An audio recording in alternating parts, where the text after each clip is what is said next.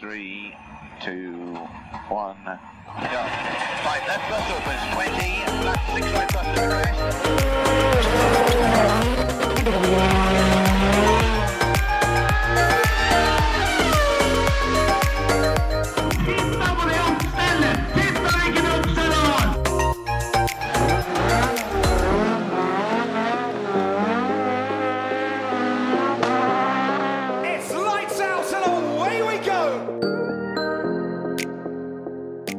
Ja, velkommen til føremøtet. I dag så sitter jeg her dønn aleine i studio, og det blir ikke så veldig bra podkast, så derfor så har vi gjort det på en litt annen måte. Som jeg har nevnt tidligere, så har vi sydd sammen en Best of-episode, og vi håper at dere kommer til å kose dere like mye med å høre på dette her som vi har gjort med å lage alle, alle disse episodene gjennom våren og sommeren. Og vi har satt sammen en øh, haug med gullkløp til dere, og vi starter rett og slett med et om dirt-challengen vår. For øh, det er noe alle gjestene som øh, vi får på besøk hit, må gjennom. Og der var det Stian Ormestad fra bilcross.no som satte standarden tidlig. Tida hans sist den sto som klar bestetid veldig lenge, så derfor så er det helt naturlig å begynne med den historia der. Ja, da har vi fått satt oss alle sammen. Det er, eh, det er god, god stemning i studio. For det, årsaken er jo at eh, det første Stian skulle gjøre når han kom inn, var jo eh, å, å ta dirt-etappa si, som alle, alle gjester gjør. Og det lever jeg enda, Stian. Hva sa du? Vi, vi, vi kan jo si at vi har jo fått en, en ny rekord. Vi har fått ny rekord på dirt. Stian Ormestad han parkerte Stian Paulsen. Du Får ikke ikke, så mer, mye. Nei. får, ikke mer enn det. Nei. Du, Stian Paulsen var da på 3.29,24, og du klokka inn på 3.13,7. Så det er jo, det er jo utklassing. Vi får se da hva resten finner på. Av, av Eller er dette siste gjest? Er, har du toppa det nå? Er det- Det, spørs jo helt åssen den episoden her går, om jeg er nødt til å legge ned eller ikke. Vi kan i hvert fall Jeg skal prøve å ikke ødelegge for mye. Vi kan i hvert fall si som så at uh, vi må velge gjester med omhu hvis ikke vi skal stille om uh, innstillingene på stolen og rattet, i hvert fall. For da må, vi, da må vi ha noen korte mennesker. det er tydelig at du har eh, kjørt mye trang bil i bilcross uh, opp gjennom karrieren. Jeg ser jo det nå at det var kanskje litt små marginer her, men ja, pedalene sto jo der de skulle og sånn, så det, jeg syns det der var luksus. jeg. Ja, du hadde, du hadde gassen til høyre og Ja. jo, men og, uh, i forhold til giring så var det rette veien. nå. Ja, ja, ja. ja, jeg har kjørt uh, Hillman Imp jeg med, med girkasser og om hverandre fra Tyskland og England. Det var ikke Det var det første giret der tredje giret var. og eh, Ja. Andre gir er fjerde gir egentlig her, og så måtte du over til første for å finne tredje. ja. Så det, det der var jo en drøm å kjøre. Det er ikke noe rart det gikk fort. Men det, det var jo sånn før du begynte, så måtte du flytte TV-en sånn at det sto litt skeivt, sånn at det var som å kjøre Hillmann. Ja, ja, når du er vant med bilcross, vet du, så skal, kan ikke ting være helt sånn i vater. Og det neste kløppet, det er også fra bilcrossen. Og nå har vi henta fram eh, en av mange gode historier fra episoden vi lagde med Nils Wærstad. Han har nemlig kjørt bilcross og attpåtil med passasjer i bilen. Bare hør på dette. Ja, vi har fått inn eh, flere spørsmål. og Vi har jo en fra eh, Geir Sandberg. Og han lurer på hvordan det går med vennene i den lille fjellandsbyen på Filippinene. Ja, det var jo også en story. Han, eh, Geir Sandberg han var spiker når du kjørte bilcross. han. Nei, er han Geir fra Dokka? jeg husker, jeg hørte det ikke sjøl, for jeg satt med hjelmen på der, men jeg, hørte det på TV et, et, et, etterpå. Da kjørte vi jo eh, Vi kjøpte en Mercedes 500 SL som vi lagde bilcrossbil av. Og den gikk jo Det var som Geir sa, han gikk jo ikke rett fram én gang. Det var jo, Han gikk jo bare sidelengs og sidelengs. Og så husker jeg han sa at 'der kjem Blykjør'. vi sto på startstreken, og så var det sånn et minutt til start. Og så innafor meg så står en Fiat 850 som har gått noe bilcrossløp. Så det er vel, han veier vel sikkert 100 kilo som er igjen av stålet på han. Med fører. Og så sitter han og kikker litt sånn der, han sitter sånn nervøst og kikker på meg, og så hopper han ut av Tara selen, hopper ut av bilen. Og så, og så banker han på ruta. Jeg er selvfølgelig elektriske ruter.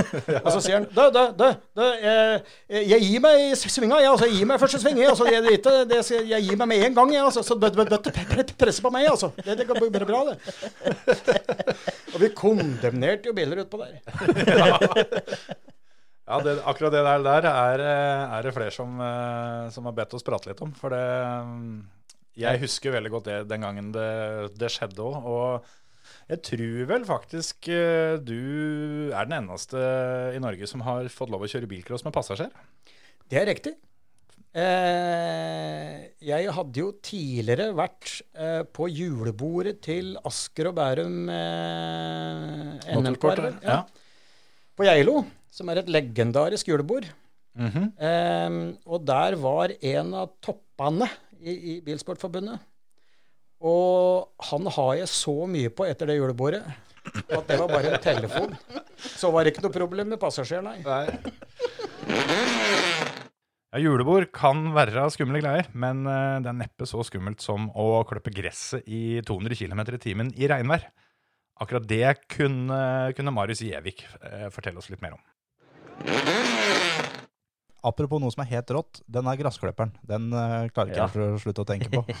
Åssen er det du får begynt med det og så får bygd eh, en, en gressklipper? Og det her er for de som ikke har veit det. Det er ikke en klipper bare til å bygge gress. Det er, det har tatt Guinness, Guinness rekord Eh, i, ja. i fart. Verdens raskeste Verdens raskeste. Nå skal jeg jo være ærlig og si at den er ikke det per i dag, da. Lenger.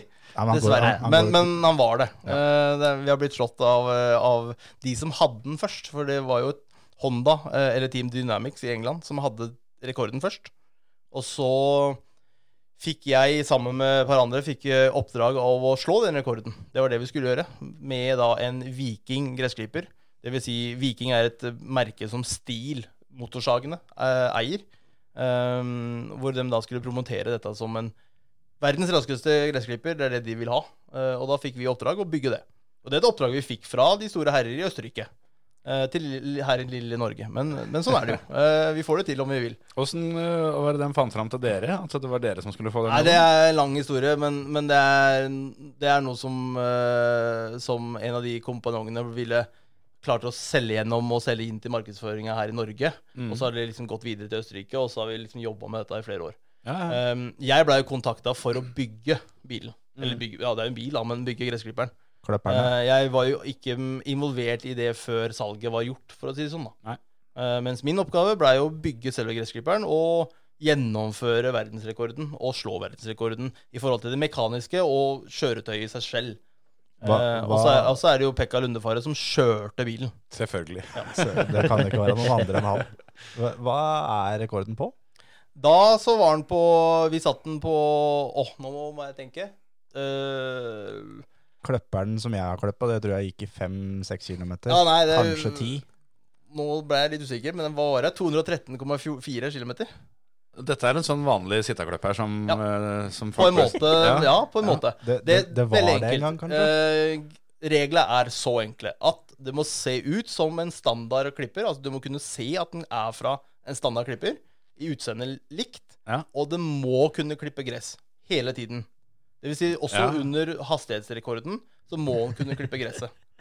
Du Ja, ja. kjører ikke på en gressplen. Du kjører på asfalt, Ja, ja. Men, han, du, men du kan ikke ta bort kleppefunksjonen. Nei. Den må sitte der og må kunne funke. Så rotoren uh, går rundt under. Er, er det sånn at uh, Pekka har den hjemme og klipper gress om sommeren? Nei. Nei. Den står i Østerrike. Ja. Eh, den står hos Viking. Eh, som en utstillingsmodell og ja, verdens raskeste. Hvor fort kjørte dere med den på plena? Eh, ganske fort. Vi spant opp eh, hele, hele bondegården til bonden sin eh, gressplen når vi skulle ut og prøve den første gangen. Så dere, dere fikk snekra sammen dette her sånn, og så var det ute og finne ei, ei flystripe, og så, Ja, En flystripe som kalles Torp, da. ja, så putta jeg potte på huet til Pekka, og så få dytta han av gårde, liksom. Ja, Og tok, eh, prøvde å ta rekorden mellom at flya landa og, og tok av igjen. det var litt omstendigheter rundt det rekordforsøket. Um, Det, det gikk jo live på VG. Det gikk live på VGTV. Um, det bøtteregna noe helt grassalt den dagen vi skulle gjøre det. For vi var jo satt til en dag. Dette har jo med forsikringer, lisenser og så klart en flyplass. Tilgang Ja. til flyplassen. Ja, det, det, er, det er ikke bare å dra ned på Torp og si du, gutter, nå, nå har jeg en gressklipper. Jeg vil bare sjekke hvor fort han går. Nei. Du kan ikke bare gjøre det. Så det var liksom planlegging rundt det, å få dette gjennomført. Og så um, Det regna noe helt grassalt. Så første, første repet vi tok, så stoppa han jo halvveis. Bare bløpp. Bråstoppa. Jeg ser for meg Pekka kosa seg fælt i 200 km i timen i regnvær Ja. uten, uh, uten Det- frontrute eller Det som var greia, det noen som var ting. greia da, var at uh, den ville jo ikke verken gå eller starte eller noen ting, så da tok jeg ut, uh, tok jeg ut ten, uh, tennpluggene, og så vrei jeg på starteren og spruta vannet ut. Oi. Fordi det som skjedde, var jo at luftfilteret, eller inntaket til, til motoren uh, inn i luftfilterboksen, den fylte seg med vann. Ja. Det regna så mye at den blei bare drukna, eller motoren drukna på land. Men, men da er det litt sånn som vi snakka om i stad. Da er det jo din oppgave, på en måte. Da er det ditt ansvar Ja. at den stopper. Helt riktig.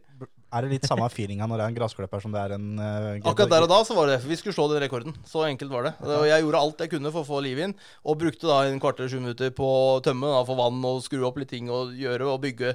Og gjøre om på innsuget og i luftfilter og snudde det så at det ikke skulle bli fylt opp av vann. Og eh, det var litt sånn eh, Felgen-løsning, men for å få det til å funke. Eh, og sendte den ut igjen. Det er jo en grunn til at folk flest ikke klipper plenen når det regner. Ja ja, det er klart. Det er Det er gjerne fordi at gresset klumper seg fælt til, da. Ja, det er der, ja. ja Men hvis du har en sånn klipper, Ja, da kan du klippe når som helst. Altså. da kan du klippe når som helst. Men, men hva er på en måte, hva er speksa da på den kløpperen? klipperen? Det sitter en eh, LS1 V8-er oppi den. Eh, på Hva var det? 390 hester eller et eller annet. Eh, med, en, eh, med en automatgirkasse på som vi manuelt styrte med paddleskift. Uh, og så satt det en BMW Diff bakaksjel baki med en KF-diff inni. Ja. Um, og så resten rundt der er en rødramme som vi måtte da så klart bygge litt annerledes enn hva den var, for dette skulle sitte oppi den gressklipperen. Veier litt mer enn standarden. Veier litt mer, men den ble ikke så kjempetung i seg sjøl. Den ble dritbrei til slutt, fordi han var to, to meter brei, så den ikke skulle ta av. um, men uh, ja, så var det liksom litt sånne ting. Vi kjørte med Formel 3-hjul uh, fra uh, fi, eh, Formel 3-bil. eh, dekk. I Regnhjul, da, så klart. Den vann. Hadde også sliks på lager, så tilfelle det var tørt. Men eh, så liksom litt sånne ting. Kult. Det er så fett, altså. Det Det er, er eh, heftig. Og du finner den jo på YouTube uten problem. Det er bare å søke opp eh, World Fastest Landmore, så kommer den. Jeg tenkte på, du, du var vel så vidt inne på det, at nå har de som hadde rekorden før, tatt den tilbake. Mm. Nå er jo, er jo Rygge stengt, og der er det litt enklere å få tilgang og sånn. Eh, Tid er det dere Er ikke det. Det er mildt her der nå. Jo, jo, men det er vel ikke like, like travelt som før, da. Ikke like sånn. travelt. Det Jeg, er jeg klart. tipper det er større sjanse for å få lov å gjøre det på Torp igjen, faktisk, enn å komme på rygget. Men ja. Ja, så dritt i det, da. Nei, men jeg må jo gjerne prøve å ta den på nytt, da. Ja. Er det, er det noen planer, eller har dere fått eh, noe telefon fra Østerrike om at de har lyst til å ha tilbake rekorden? Spør du Pekka, så er det sikkert det. Men eh, jeg veit ikke. Nei. Alltid en plan om å prøve å slå den igjen. Nei, Det hadde vært gøy, da. Det hadde helt klart vært gøy å få det til. Eh, og ta det, skulle bygd den litt annerledes og gjort litt annerledes. Versjon 2.0, for eksempel. Men, men eh, man, det må også betales. Mm. Så enkelt er det jo. Dette, er jo en, dette har jo da vært en jobb vi har gjort. Ja. ja, ja, for det var jo, var jo rett og slett et, eh, et bestillingsverk. det var et oppdrag. Ja. Så enkelt. Vi, og oppdraget var ikke merkelig, men det var sånn, så enkelt at dere skal gjennomføre, og dere skal slå rekorden. Ja. Og slår de ikke rekorden, så er det ingen som får vite om det. Nei, selvfølgelig. Det var liksom sånn avtalen faktisk var. såpass, ja. Så klarte vi å endre det litt sånn PR-messig. At vi klarte å promotere den før vi tok rekord og litt sånn forskjellig. Mm. Um, vi var jo ikke sikre på om vi skulle klare det. Hadde jo ikke sjans å vite det. Dere hadde ikke testa noe særlig på forhånd og sånn? Ikke på, ikke på samme avstand, nei. Nei. For det er jo Uh, 1,6 km som du må kjøre, altså 1 mile, da. Du må Mm. kjøre 1 mile én vei, og så må du snu og 1 mile tilbake igjen. Eh, og det hadde vi jo aldri kjørt så langt. Jeg, jeg tror ikke jeg veit om noen jeg, som er da andre enn Pekka, selvfølgelig. Som kjører Som syns det er en kjempegod idé å kjøre over 200 km på en gressklipper. Jeg, jeg hadde aldri turt. Nei, det, jeg tror ikke jeg hadde gjort det med det første, i hvert fall.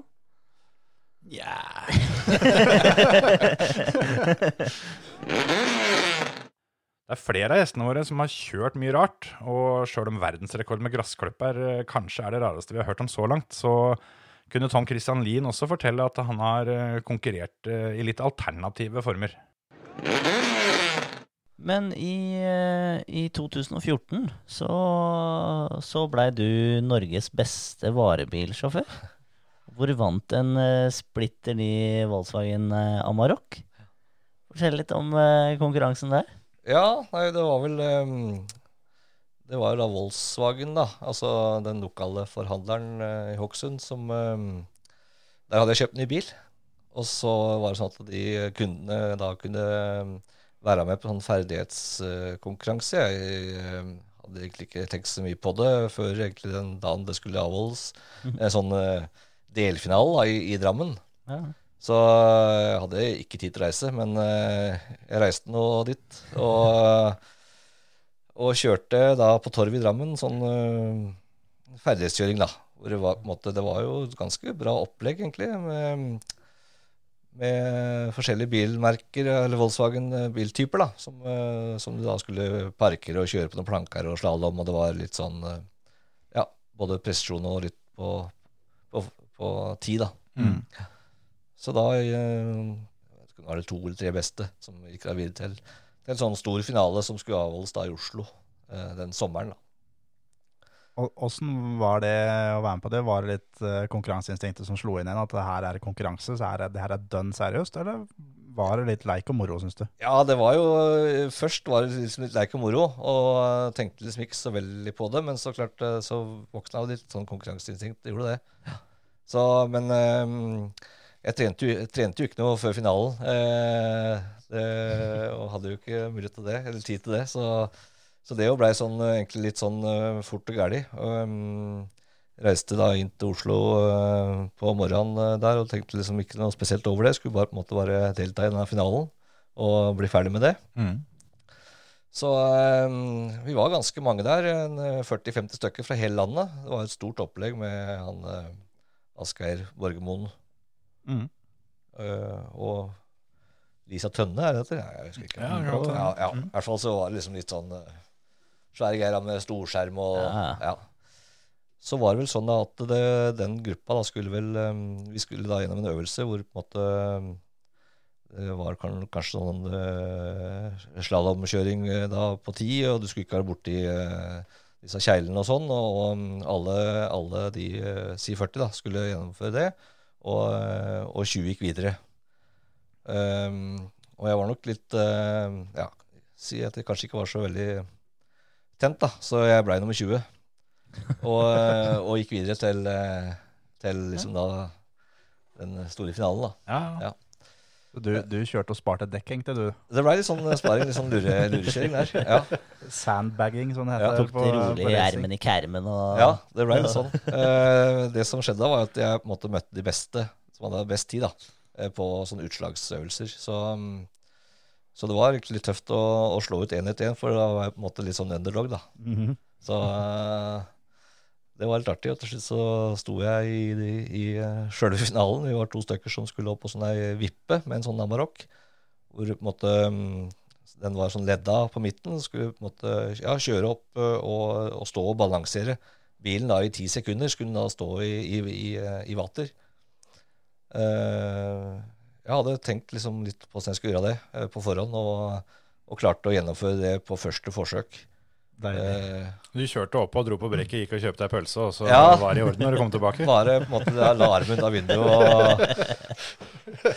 se åssen det skal gjøres. Ja. Neida. Så det var, eh, det var eh, tøft, det også. Da, da vant jeg en, en Volkswagen Amarok til en halv million. Så det, Ja. det er vel kanskje det største, største jeg vinner noen gang. Ja. Det er jo, må jo da være en av få konkurranser med bil som du går i pluss. ja, det kan du si. For de, de fleste andre så går det i minus. Alt annet går minus. Da- regner jeg med at den, den ble solgt og brukt til annet moro. Ja, den uh, solgte jeg. Hadde den vel kanskje noen måneder, og så solgte jeg den, og det ble en garasje. ja. Kjekt. Du hadde trekkbil, du, så det var ikke noe, noe for den. Det ble jo måtte, en en bil ekstra. Så. Ja. Og særlig da i og med at du egentlig ikke har tid til å være med på den første konkurransen, og heller egentlig ikke tid til å være med på finalen, så er det jo genialt å reise hjem derfra med Namarok. Ja, det var ganske tøft, det. Og det som var egentlig artig, var jo at jeg hadde jo ikke sagt til deg hjemme hva jeg var på. Så når jeg kom hjem, altså. Så hadde jeg jo vunnet bilen da. Jeg kunne jo kanskje sagt at det var noe sånt jeg skulle på. Ja, men tilfelle det hadde gått dårlig, så Ja. ja, jeg, Hadde ikke jeg ser å si den. det. Jeg ser den. Å kjøre bil, det krever jo ferdigheter. Det fikk vi jo akkurat høre nå. Og De fleste som har vært på løp eh, og, og kjørt et eller annet sjøl, de har en kamerat som eh, alltid mener at han veit best hvordan dette her burde vært gjort. Og for noen år sia så var det Fredrik Brenna Lund som blei den kameraten. Bare hør på dette.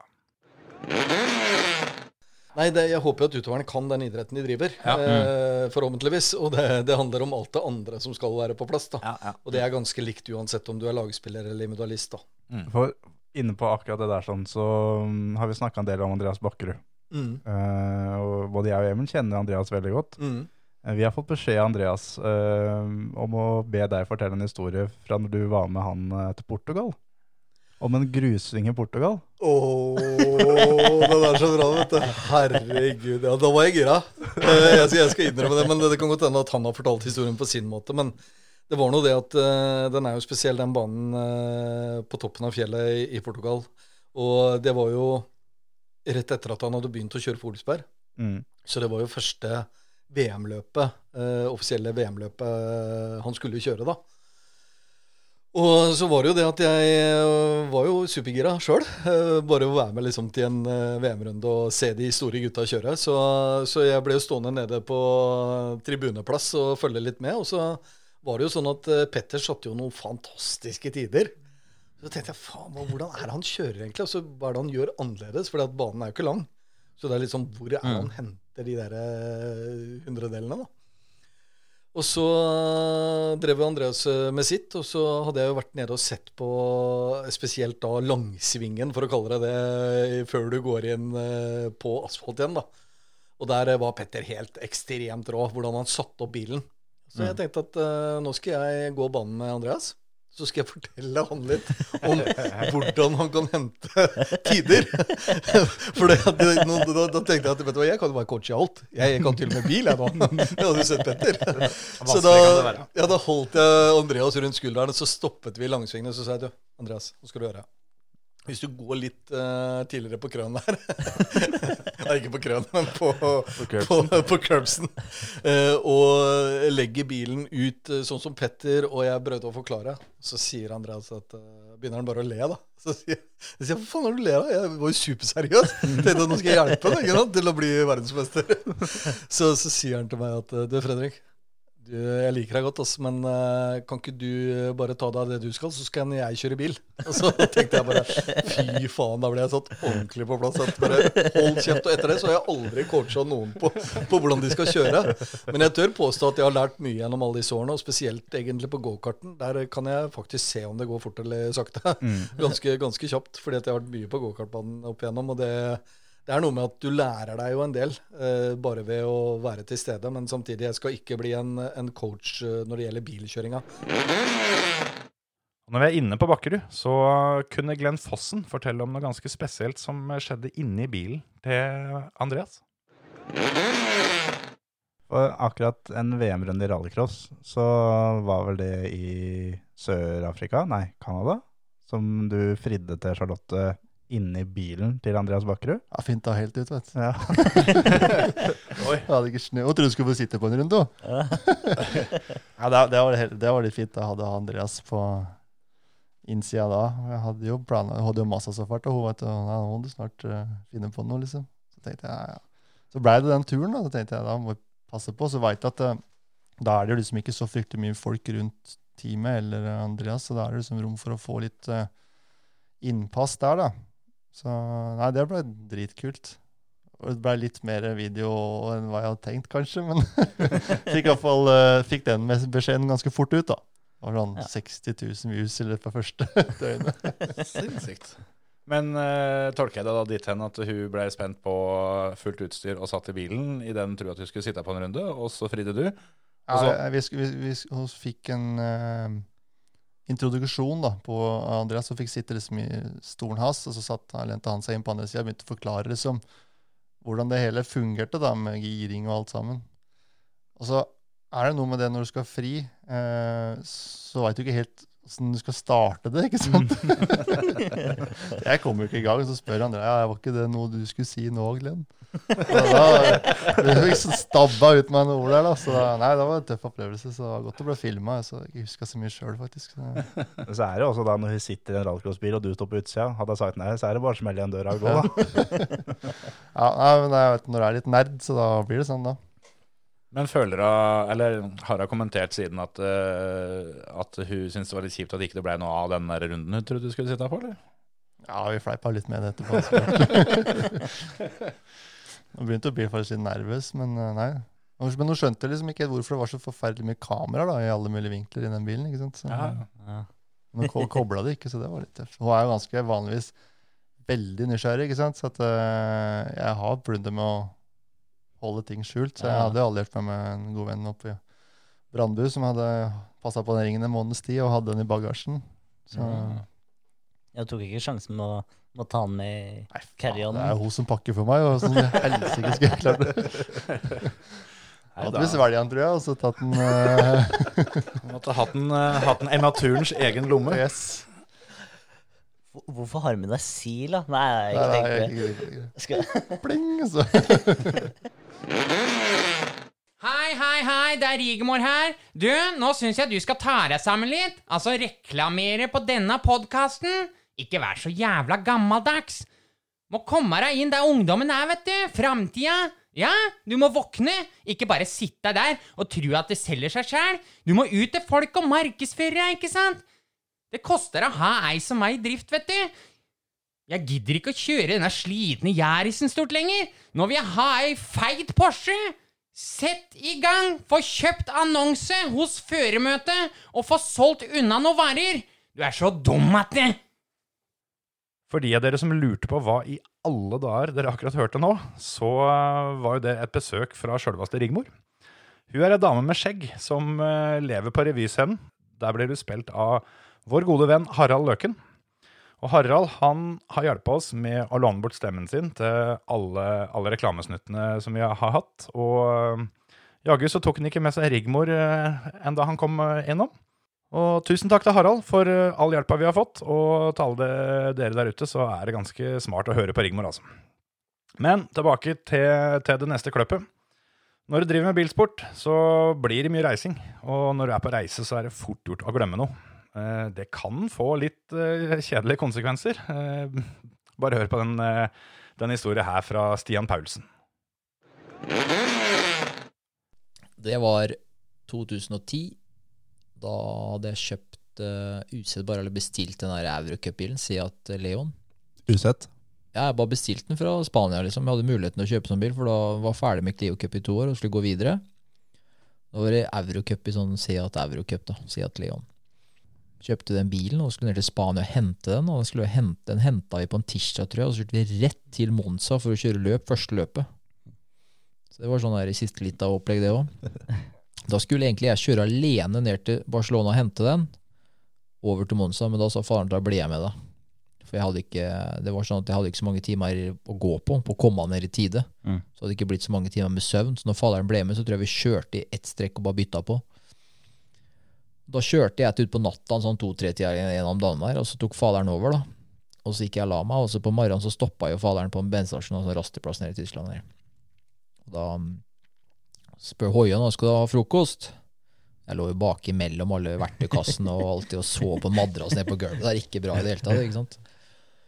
Jeg bare trøtt. Nei, nei, det skal ikke ha noe mat. Jeg skal sove. Og så går det litt, og så våkner jeg som jævlig pisse, vet du. Jeg drar på slipper sånn, jeg har shorts og T-skjorte liksom, og går ut av bilen og går inn der på stasjonen, og trøtt og jævlig går inn der. Og så når jeg står og pisser, liksom, rett og slett, så bare jeg håper faderen sjekker at jeg ligger bak, så de kan gå ut tilfeldigvis når jeg står her nå. Det går bra, tenker jeg, vet du. Så sikkert du pissa i 20 minutter. Var Jeg durer ut, da. Den sprinteren, den krafteren, og den gangen hengeren er vekk, det, vet du. Borte, det. Jeg har ikke med telefon eller noen ting, da. Der står du i slippersanda. Der står jeg. jeg. Men jeg husker når jeg gikk ut av bilen, da, så var det sånn turistbuss ved siden av med svenske folk. Så jeg dura ned der, og så bare Har du en telefon å låne meg, eller? Hun bare forsto ikke hva jeg sa, da. Jeg, jeg er fra Norge, liksom. Jeg er ikke tysk, det er norsk. Du forstår dette. Har du en mobiltelefon jeg kan låne? Å ja, ja, det kan jeg få låne, da. Faderen er alltid sånn svare på telefonen. da. Heldigvis så tar han telefonen. da. Og jeg bare snu. Snu, hvem var det? Det er meg! Er ikke du bake? Nei, jeg har vært inne og pissa. Heldigvis var det sånn omkjøring ut på autobahn, da. Hvis ikke så kunne du fort måtte kjøre faen meg Ja. fem-seks mil. vet du. det det Ned og si. snu, og så må du opp forbi, og så snu oppafor igjen. ikke sant, Og ned igjen. Så han var akkurat på vei ut på autobahn, liksom, så han kunne bare stoppe og rygge av den rampa da, og så opp og plukke opp meg. Det har vært helt, er helt ut flaks at han svarte. Jeg kan ikke ha kjørt i flere timer han, uten å ha sett at ikke jeg var med der. Ja, ja. Stian ligger og sover, han. Jeg ser så for meg han og så tar telefonen og bare Ja, da. Ja, det er meg, sa jeg bare. Er ikke du baki? Det er nummeret dette. Jeg er på rasteplassen. Jeg har vært inne og pissa. Snu. Når vi først er i Tyskland, så passer det jo i grunnen bra med en historie fra da Terje og Emil var og kjørte leiekart i Kerpen, eh, mot litt storfint selskap. Men før vi slipper Schumacheren helt, eh, stemmer ikke at dere begge to egentlig har kjørt gokart, eh, kjørt mot Michael Schumacher? Ja, både Mikael og sønn. Ja, Mikael, ja. Mik. Og Mikael har da et eh, leiekartsenter i Kerpen, der, eh, som han for så vidt eier den banen nå. Mm. Eh, har et uh, utleie-gokartsenter med bane inne og bane ute. Um, så var vi der og kjørte leiekart. Det Gud bedre hvor mange hundre tusen vi har brukt på leiekart her. Sånn. Det, det er skremmende, faktisk. Men um, det var fryktelig, fryktelig moro. Og uh, så kjørte vi inne, og da var det sånn tavle som vi kunne se navnene våre og tiende våre. Um, så husker jeg at vi måtte sitte og vente en stund før vi ble sluppet utpå. Uh, uten at vi visste hvorfor det. Um, og runder jeg svingen og ser den tavla, og da ser vi da um, i bånn så står det F1, F2 og F3. Så sies alle vi andre hadde vanlige navn. Ja, på oss så sto det da Emil og Terje og Frans mm. uh, og så videre. Um, så sto det F1, F2, F3 i bånn. Um, og skjønte ikke så mye av det, og jeg og Emil vi kjørte og fighta, og eh, vi var ofte i toppen. Vi var én og to. Det er sånn. Og så var det plutselig at F1 Drev og blanda seg inn litt? ja, drev liksom og til. ja, var yppa og var liksom fighta med oss tre. Vi bytta på oss tre. Da var det én, to og tre. Um, og så begynte vi å ta igjen da noen som hadde stått uh, starta litt lenger bak. Uh, og så syntes vi at vi kjente igjen uh, skjerfet til han ene. Vi hadde da vært og møtt Mikael Schumacher tidligere på dagen. Ja, ja, ja. Det var under åpninga av teamet, Åp- åpning av teamet, ja. Um, så begynte vi å, å ta dem igjen, og da ga vi på en måte jeg og Emil tegn til hverandre mens vi kjørte, at nå må vi samarbeide for å virkelig ta dem igjen. Um, da Mikael klarte vi ikke å ta igjen. Men uh, sønnen hans, derimot, som er tippa en veldig god karriere innenfor motorsport Ja, Han må vel ha vært tre år på det tidspunktet? han var vel kanskje Han var vel 11-12 eller okay, noe sånt, okay. tror jeg. Ja, ja, ok. Jeg vet ikke. Jeg bare tenkte, for han er vel ikke sånn Han er ikke veldig Han er vel gammel nå. 20 eller noe nå, er det ikke det? Jo, så det Ja, han var kanskje rundt en ti år eller ti, noe. elleve, Ja, tenker ti, jeg. elleve. 15-16 snart. Ja. Og det, han klarte vi å få tatt igjen, da. Og da, Vi visste jo ikke da at det var Mick Schumacher, sønnen til Mikael. Nei, nei. Eh, Vi visste at det var en liten telp. Det var F2. Ja. og, det, um, og så hadde vi alltid sånn når vi kjørte, at vi eh, Vi og Emil var opptatt av å sette beste rundetider. Og for å få gjort det, så må du få kjørt uh, aleine. så når vi tok igjen folk, så den som lå foran av meg og Emil, vi, eh, den fikk lov å prøve én gang på å kjøre forbi. Hvis ikke den klarte det, så måtte den da slippe seg tilbake og la den andre få lov å prøve. Eh, når vi tok en mikk, så var Emil først. Og mm, klarte ikke å komme seg forbi, for mm, når du er 10-11 så har du ikke så mye sidesyn, så du vrenger jo inn da. Eh, så da vinka Emil meg forbi, og Noe sier meg hvor dette her skal gå hen. Jeg slapp fram plogen. det Ja. Jeg er ganske sikker på at hvis du drar ned til det leie- den dag i dag, så sitter Mikk oppi dekkstabelen der ennå. Det er, for jeg, også, jeg prøvde å kjøre forbi en gang, og han bare vrengte inn. Men da ble jeg egentlig litt forbanna. For det Vi hadde ti minutter på oss på et pass da, for å få kjørt. Ja, ja. Um, og Emil har prøvd en gang, og det gikk ikke. Det var ikke gratis, dette her. Nei, absolutt ikke.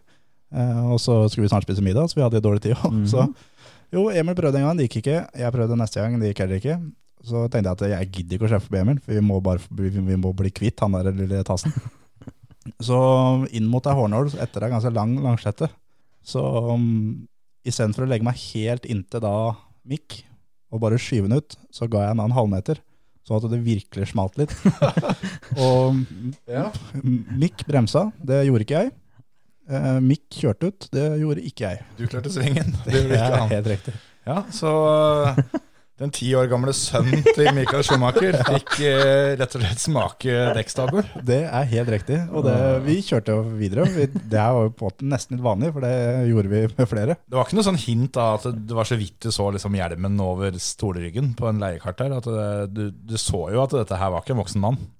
Ja, men da kunne du kjørt på den lille leikarbanen for ungene, hvis det var det om å gjøre. ja, faen, når du først er med, Det så er her må hvor du store gutta leker. det, så, så kjørte vi ferdig, og Emil var vel kjappest, det Basse der. Eh, F2, altså Mikael Schumacher, nei F1. Han var nummer to, jeg var nummer tre. Um, så når vi kom inn, så står jo da eh, Mikael der. Eh, det skjønte vi jo da når vi kjørte inn i depot, at det faktisk var Mikael Schumacher. Ja. Eh, sammen med han så står da lille Mikk. Ha på seg maken hjelm som han eh, som du kjørte dekka. Ja. Ja, yes, det var rart. Og Mikk står og griner og står og Peker på Terje. Står og peker på meg og snakker da med faren sin og griner og liksom for å få han til å få tatt meg. Da begynner du å se etter nødutgangen og, Det skal sies og lurer på om du får eh, med karten ut den veien. Det var, det var F1, F2, F3, og for de som lurer på hvem F3 var, så var det livvakta deres. Tipp topp. Han, Han måtte jo selvfølgelig være med, så han, han uh, gjorde ikke så jævlig god jobb uh, utpå der, men um, Mikael uh, han smilte og mm, bare nikka og hilsa på oss, på en måte, for han skjønte hvem vi var. Vi, vi kjørte jo da med lakkerte hjelmer, og, så han skjønte jo da at vi drev med der, og hadde også da eh, sett oss tidligere på dem. Så det, det som da kunne endt med at jeg eh, ikke kom hjem fra Tyskland, eh, fordi at jeg hadde knekt nakken på sønnen til verdens mest kjente motorsportsfyr, det gikk heldigvis bra. Du kunne fort uh, blitt curbs-fyll på en bane i Kerpen i, i Tyskland. Det er helt riktig, var veldig nærme. Jeg skjønner jo hvorfor du forlot det teamet der, Emil. Ja, det var, var jo bare stre- strengt dødt det når Terje driver og mishandler ungene til teamsjefen. Jeg ordner sånt. Ikke noe problem. Mick Schumacher han eh, kom seg heldigvis fint fra den smellen der, men eh, det kan jo være litt skummelt eh, om du er med på en skikkelig krasj. Men noen ganger så kan det som eh, skjer etterpå være vel så skummelt. Eh, det fikk Eivind Brynildsen eh, oppleve. Han følger også opp med et spørsmål som leder rett inn i neste kløpp, hvor Frank Tore Larsen og Torstein Eriksen ikke ble helt enige om hvordan de best fjerner vekta fra bilen. Hva er det verste smellen du har hatt, da? Når det har gått gærent, liksom? Jeg tror jeg veit svaret. Nei, jeg tror ikke det er noe tvil, altså. Det er, eh, det er Latvia i 2018, må det bli. Ja, ja det butta noe helt hinsides. Det, var- det, det var så hard butt at uh, Jeg husker ikke akkurat nå var G på kamera, men uh, det var såpass mye at uh, jeg leste at det ikke var bra. Et eller annet sted. Ikke anbefalt av helsemyndigheter. Jeg kom der året etter, så satt jo Cato på igjen. Cato hadde litt innhopp, innhopp der. Og da gira jeg ned et gir, og sånn kylling. Sånn da det gira ned. Men eh, klok av skade. Nei, det, var et eh, veldig bra løp, da. Hadde veldig god trua på det jeg drev med. Og jeg husker ikke helt om det var eh, Fabian Kreim som kjørte for Skoda og Bamslager. Tyske Kreim. Så var det en veldig god fight. Og så er det på siste dagen, så jeg, vi kjemper vel om Jeg husker ikke om det var andre eller tredje. Det var veldig tight. Det var i hvert fall podium, nå. Som det var, vi lå på fjerde og tredje, eller om det var faktisk de andre, tredje fjerde vi var helt tett. Så det skilte bare noen sekunder. Og i Latvia så går det jo bånn gass. Det er sånn 12-15-20 sekunder på Turtalsberga. Så det er der du må ta, der må du ta litt. Ellers så er det så jevnt. Så er det like etter start. Uh, så har jeg Jeg gjør aldri dette her, men på gjennomkjøringa så tar vi jo video. Og jeg ser alltid bare én gang igjennom, for jeg hater å pugge ting. For jeg mener at for det første syns jeg ikke er gøy å kjøre rally med å pugge ting. Uh, og for det andre så Jeg er redd for å huske ting. Så jeg tror at jeg kommer til steder hvor jeg ikke kommer. Sjøl om jeg hører notene. Så jeg er veldig på at jeg skal høre på notene og skal kjøre så bra. Men da hadde jeg filma den innboarden på PC-en og tatt den på telefonen. Så på vei til den prøva så ser jeg på akkurat den sekvensen. Jeg hadde filma liksom fire svinger. Derav den svingen. Og på gjennomkjøringa så stopper jeg, for det er en fotograf som skal ta et bilde av oss. Jeg er jo jovial, da, så jeg hilser på alle og stopper. Eh, og det er her jeg kjører av. Det jeg ser på her. Mm. Så kommer det helt fullt nedover, og jeg har en lang venstresving som gjør akkurat som jeg skal. Og går inn den svingen, og jeg har bare fått for meg at den, den går mer eller mindre fullt. Nei, den går ikke fullt, for det er eh, en gradering en halvannen ned. Ja, og Når du sier mer eller mindre fullt, så mener du fullt. Ja, jeg holdt det fullt. Og så mister jeg rumpa litt på inngangen, og så tenker jeg at det, det går. For jeg fikk liksom snudd bilen. Men det er jo så mye løsgrus utafor sporet. Og da når jeg skjønner at liksom nesa slår ut og jeg er på vei liksom rett fram inn i skauen, så skjønner jeg at dette kommer til vondt. Og da holder jeg meg liksom ordentlig i rattet, så jeg bøyer jo rattet framover. Og en eller annen merkelig grunn, så liksom når det går nedover der, og så føler jeg liksom at eh, Kan hende dette går allikevel. jeg lander kanskje på veien eller noe. Ja. Eh, men vi landa jo liksom langt inn i skauen her, opp etter et tre langt på svingen, og folk kommer bort og var døde, ikke sant, for det hadde jo bytta svart. Men jeg går tilsynelatende ut og tenker at dette gikk jo veldig fint. Titter på bilen, og ja, stort sett hele karosseriet, alt var helt. Det så ikke så gærent ut. Rev av noen hjul og sånn, men sånn til å dratt av 165, så var det ganske pent. Ja. Og så ble jeg litt stiv og støl, og Ilka går det bra med. Ilka satt på da. Eh, på kvelden på hotellet så kjenner jeg at jeg skal gå ut av bilen. Så liksom, åh, det venstrebeinet var trått å dra ut. Jeg hadde sittet i bil i tre timer ned til flyplassen. Men det var søndag, jeg skulle på jobb, så jeg fløy jo da grytidlig eh, mandag morgen. Fløy til Gardermoen, var på Gardermoen 6 eller noe, og kjørte rett på jobb. Sitter på jobben, og så etter hvert så de resten på kontoret ser jo liksom den videoen. Og lurer på bare Du må jo på sjukehuset. Har du ikke vært på sjukehuset? Så bare, Nei, det går bra. Da. Bare, Nei, du må på sjukehuset. Så da klokka ble tolv, da, Ja. så hadde jeg litt vondt i, hadde litt vondt i kroppen. Jeg må innrømme etter hvert. Dro på sjukehuset, og så kom, ringer jeg vel fastlegen og sier du må bare kjøpe akutten. Altså, du har jo Da kommer jeg dit, og så sier jeg liksom jeg har krasja litt med bil. Og, ja, ja, men har du fått rekvisisjon? Og nei, jeg har ikke det. Og nei, og så setter jeg Hva har skjedd, da? Nei, skal, skal du se videoen? Har du video da? og så viser jeg den, og da er det alarm. Da er det fullt traumeteam. Da er det bare alle på venterommet blir venta, og det kommer inn leger, og det er full MR og CT og skanning og blodprøver og urinprøver, og det er røntgen, og det er full pakke. Så jeg er jo der en lang stund da, ute på kvelden. Og så kom jeg hjem og ble friskmeldt. Alt gikk bra.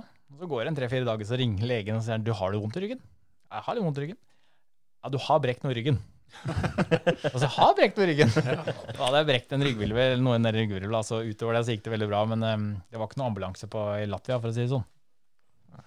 Det er heftig.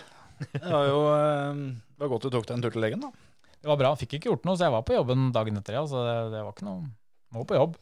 Da fikk du sjekka at alt var i orden, om ikke annet. Ja, ja, det er jo, Nå forteller jeg kanskje mer enn jeg burde, men jeg ligger på benken her, så er det en ganske hyggelig lege som skal sjekke meg. og så da er det sånn Når du har hatt en såpass kraftig smell, så må du både sjekke avføring og urin. For det har bytta såpass at det er så mye G at man er redd at ting kan ha sperra.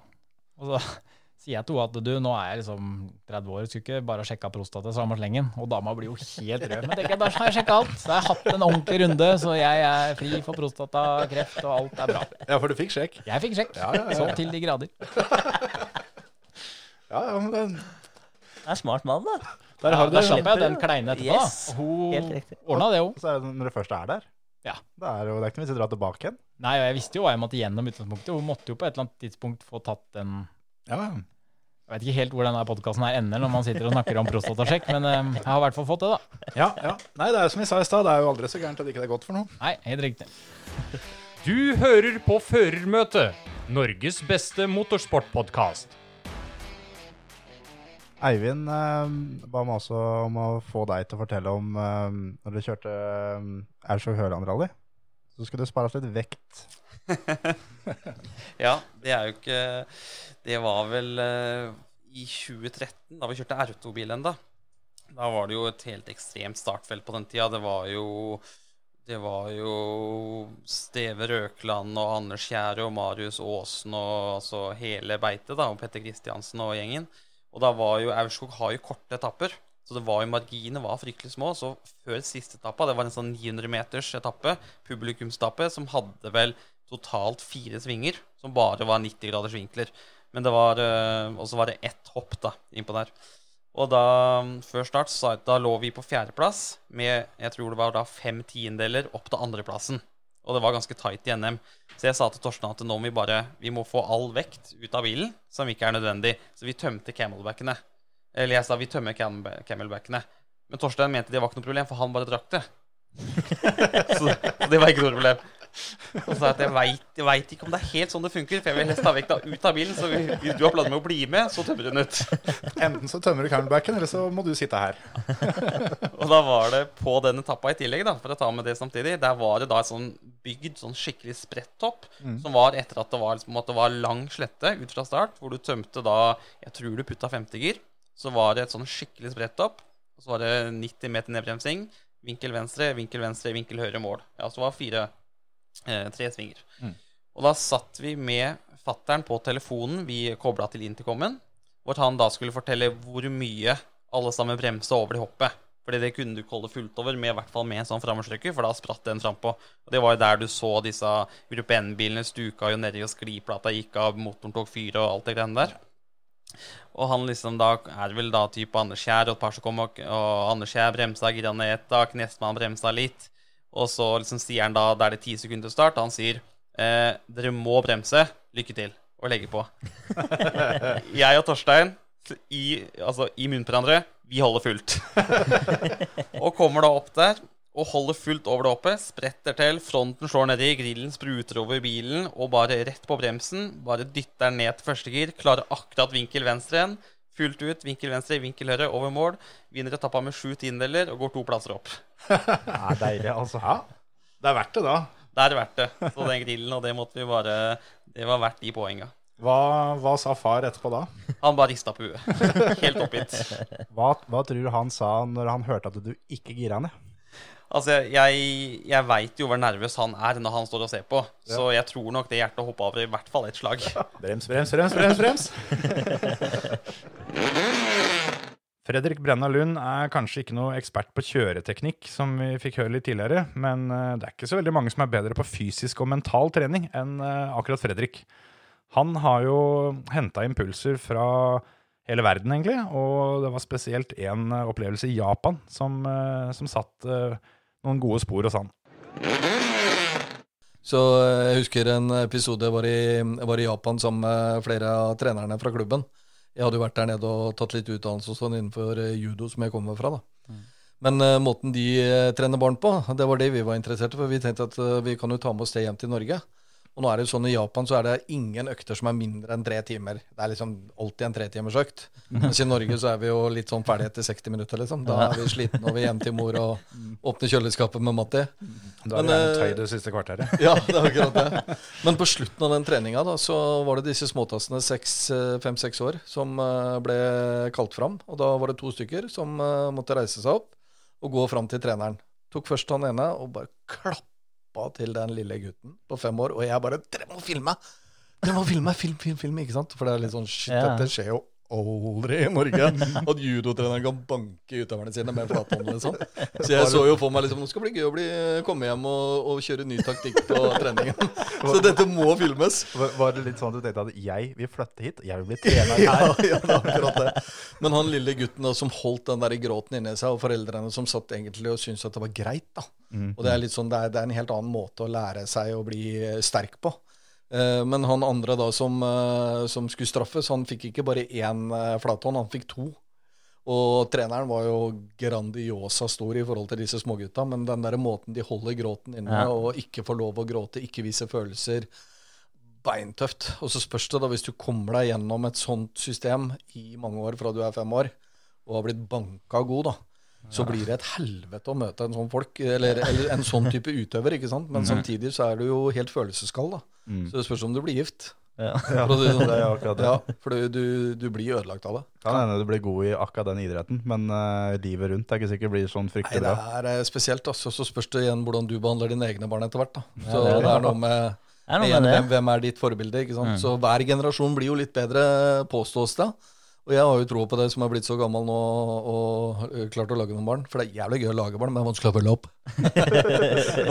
men, men i utgangspunktet så, så er det den derre måten eh, man skal uh, ta vare på sine egne på, den, det er ikke noe fasit på det heller. Det er ikke det, altså. Nå skal vi høre et klipp eh, med Jarl Teien. Han kjører i verdenstoppen i simracing og har spesialisert seg på NASCAR. Der er det ekstra viktig å utnytte, utnytte slipstreamen, eller dragsuget. da. Det krølla seg litt eh, da jeg skulle prøve å få han til å forklare konseptet bump draft. eh, Både for meg og egentlig hele gjengen. Hør her. Men jeg tenkte mest på det der med at, eh, at det er til din fordel å ikke kjøre forbi han foran. At du heller dytter ham, da. Det, det er riktig. Og er du må sånt... også finne en partner som er god, du liker å, å jobbe med. da. Ja. Ehm, du, kan- du kan ikke kjøre solo opp til, opp til fronten. Det går ikke på sånne baner. Nei. Så dere må jobbe med en. Og da, hvis dere får en sånn flyt, da, så kan dere komme opp fra Du, du kan komme fra 40.-plass til førsteplass på to runder hvis du jobber bra sammen. Det kan du. Det hørtes gøy ut. Det er jo litt er sånn som uh, Som eh, Dale Earnhardt eh, jr. og Tony Stewart, egentlig. Ja. To kjempekonkurrenter. Forskjellige biler, forskjellige team. Men uh, fant rett og slett ut at, uh, som deg og Keegan, at uh, vi jobber bra sammen. Og når en av gutta så da at det var en av dem som kom bak, så var det greit. Nå, nå kjører vi. Skal vi til fronten. Og så blir det litt som i ekte racing på bane, da. Bare at her blir det mye, mye heftigere, selvfølgelig. Men der er det ofte det at eh, hvis du tar igjen noen, og du merker at han kjører såpass fort at vi kjører faktisk fra han bak oss, så er det best for meg å bare være med han fram, Mm. istedenfor å kjøre forbi, som da igjen gjør at han bak kommer forbi, og så blir det en svær mølje, og da reiser de foran der igjen, de reiser ifra. Mm. Og i NASCAR så blir det jo enda mer sånn at hvis dere begynner å fighte skikkelig, så reiser jo resten. Ikke bare taper du tid, men du taper eh, dekkliv òg. Mm, og det, det. vil jo gå utover eh, resten av stinten. Mm. Ja ja, Nei, det, det må prøves en gang. Det er Absolutt. frykt- Anbefales. Fryktelig gøy. Og jeg og Preben eh, kjører jo litt oval. Og eh, vi har ikke kjørt så mye nå, for nå har det vært så mange andre løp og, og greier. Men, eh, men helt klart, når det var på Talladega, da, da kom jeg litt seint i denne podkast-timen her. For da, da ble det litt cautions og sånn som jeg ikke håpa på. Men det, det var jo Talladega i trøkk, da. Å ja. Ja, ja, ja. Og der er det ikke akkurat sånn at eh, det er så lett å bumpdrafte. Nei, når du er rett bak noen, da, så ser du ingenting. Fordi den uh, ræva på bilen er jo kjempesvær. Gigantisk. Er, det må være, som i så mye annet, kanskje litt bedre å være han som står bak og dytter, enn eh, enn han foran. Det, det, det må være litt guffent å, å bli skivd, da. Du skal vel ha litt Jeg- trening før du, før du klarer det greiene der? Hva sa du nå? Nei, jeg tenkte mer på Jeg tenkte ikke på det før jeg så han. Jeg visste Terje kom til å knekke på den der. Å hjelpes. Nei, jeg er kjent som en skyver, jeg, da. det, var det, var det jeg skulle fram til, egentlig. skjønner du, At det, at det må være litt ubehagelig å være han som blir skyv. Det har jeg ikke noe erfaring om. Noen liker det å si. Ja, og etter den så er det vel egentlig på tida å bare runde episoden, tenker jeg. Så da takker jeg for meg for denne gang. Eh, Med, så vi sender dere ut eh, denne uka med en av, en av våre absolutte favorittepisoder fra den gang Nils Wærstad var en tur i Skottland. Det er whisky, og det er kilt, og gud hjelpes. Kos dere, og vi høres neste uke. Eh, Vi har også fått et annet spørsmål. Eh, hvor lang tid tar det før ei flaske med whisky slår inn? Det veit jeg ikke, men jeg veit hvor mye to tredjedels flaske tar. Ja, det, han, jeg regner med han sikter til en liten episode som vi hadde oppå Orkenøyene. I Kirkwall, hovedstaden der. Der lager de Highland Park, eh, singelmalt. Eh, og så hadde vi fått en omvisning på, på destilleriet der, og dette var på lørdag ettermiddag, så destilleriet var egentlig stengt for gjester og alle sånne ting, men han formannen der, han tenkte at ja, ja, vi får ta med seg gutta, de har kamera og alt mulig. Så vi gikk gjennom alle stega, da. Det der kilning og demilning og hva faen det ikke var for noe. Og så siste del da, av, av prosessen var da the tasting.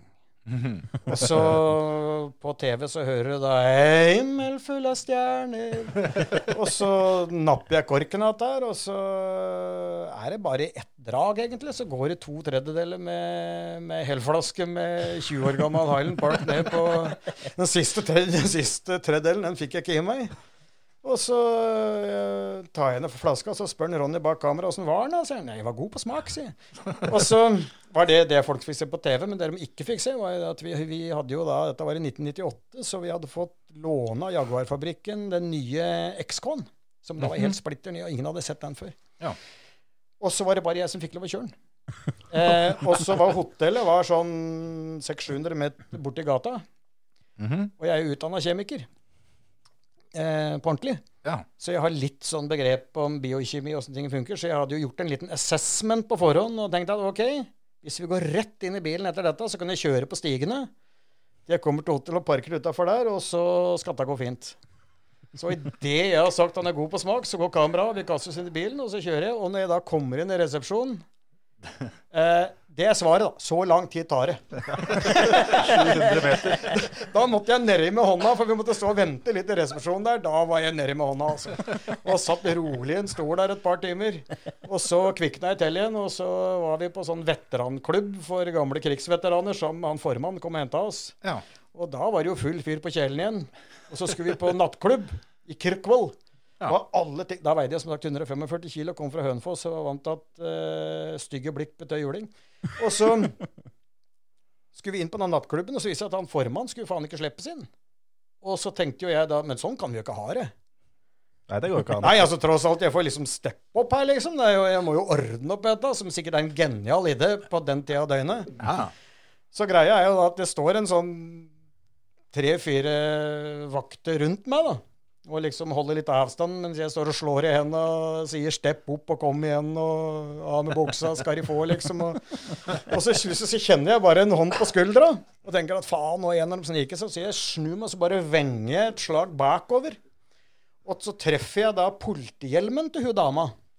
Som, for det var vist at det var det det var, da. Heldigvis så hadde jeg så vidt sluppet inn på krava. Om det er 1,65 veit jeg ikke, men hadde det vært 1,67, så hadde jeg sittet inne ennå. Så jeg, jeg slår politihjelmen av huet på, så den går kast i kast bort ved gata der. Og da ble jeg merkelig fort fokusert og edru. Og klarte da ved et mirakel å A. ikke bli arrestert. B. å slippe inn med alle sammen på nattklubben. Og så skulle jeg sagt se, vi fikk gratis drikke, men det gjorde vi ikke. Nei. Men jeg våkna i hvert fall på ei krydderhylle av en benk inne på drosjestasjonen på Kirkvel eh, klokka sju om morgenen. Eh, ja. Så sånn var nå den kvelden. Det, ja, det er ikke verst å bare ha fått med seg det. Nei da, nei da. Og det var ikke det verste heller, for vi kjørte jo den der, eh, vi kjørte jo den der Jaguaren. Dette var en blå kabriolet. Som vi kjørte ned til Edinburgh, blant annet. Mhm. Og så var det sånn Flinch-festival, som er en av verdens største sånn utendørsfestivaler for kunst og humor og sjonglering og flammekasting, hva faen det er for noe.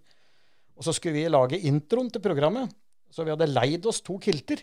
Mm. Og så satte vi opp kamera, og så går vi da veldig sakte baklengs. Det er sånn vi dreier på. Mhm. Og når det da speeder opp det forlengs, så ser det jævlig kokos ut. Det stemmer. Og så står vi midt ute på et torg der da, med, med kilt og går baklengs sakte, sakte. Så begynner det å komme folk og se på dette her. Og så sto jo kamerabagen oppe, så folk begynte å kaste penger ned i kamerabagen. og, og japanere tok, tok det som en trodde performancekunst, ikke sant? Ja, ja, ja. Og så tok dette så lang tid at vi rakk ikke å levere disse her eh, kiltene før stengetid. Og så står vi og ser på hverandre, så ja Ikke bare å gå på byen, da. Det er lørdagskveld, og det er kilt og rock'n'roll. Og det er noe av det morsomste jeg har gjort. Og, da var jeg jo som sagt svær og feit og hadde digert rødt skjegg. Og jeg, I, I, I looked the part. Og, og jeg snakka med skotsk aksent, og, og spesielt japanere syntes det var jævlig stas. Så jeg forklarte at jeg var sønn til en eller annen eh, klansjef oppi der. Og alle tok bilder av meg, og så fikk de beskjed om at de kommer til å ta bilde, men du må sende ett av bildene til far min. Chief McLeod. Han hadde vi akkurat møtt noen dager før. Så han fikk jo drøssevis med bilder med 'Oh, I met your son', og jeg står der. Han jo på daua latter, stakkar. Men så var det når jeg skulle hjem igjen. Vi bodde i en sånn der bitte lite hotell i et sånt boligstrøk. Og så hadde jeg selvfølgelig mista nøkkelen, for hvor har du nøkkelen når du har kilt, liksom? det er Under forhuden. Det er liksom Det er jo naturens egen lomme, det. ja, det er forhuden naturens egen lomme. Jeg går aldri ut av det uten skjøt 100 kroner i småpeng. Og så, og så er det og da husker jeg Ronny kom med drosjebil klokka seks om morgenen, og da lå jeg X over panseret på den der Jaguaren og sov. I kilt. I kilt! Med skjørtet opp under hoftene. Herre fred. Ja, det er jo eh, Kjempereklame for Jaguar, da. Det der er synet bare mor kan elske, altså. Jeg tror ikke med mora mi hadde reagert litt. Oi, oi, oi.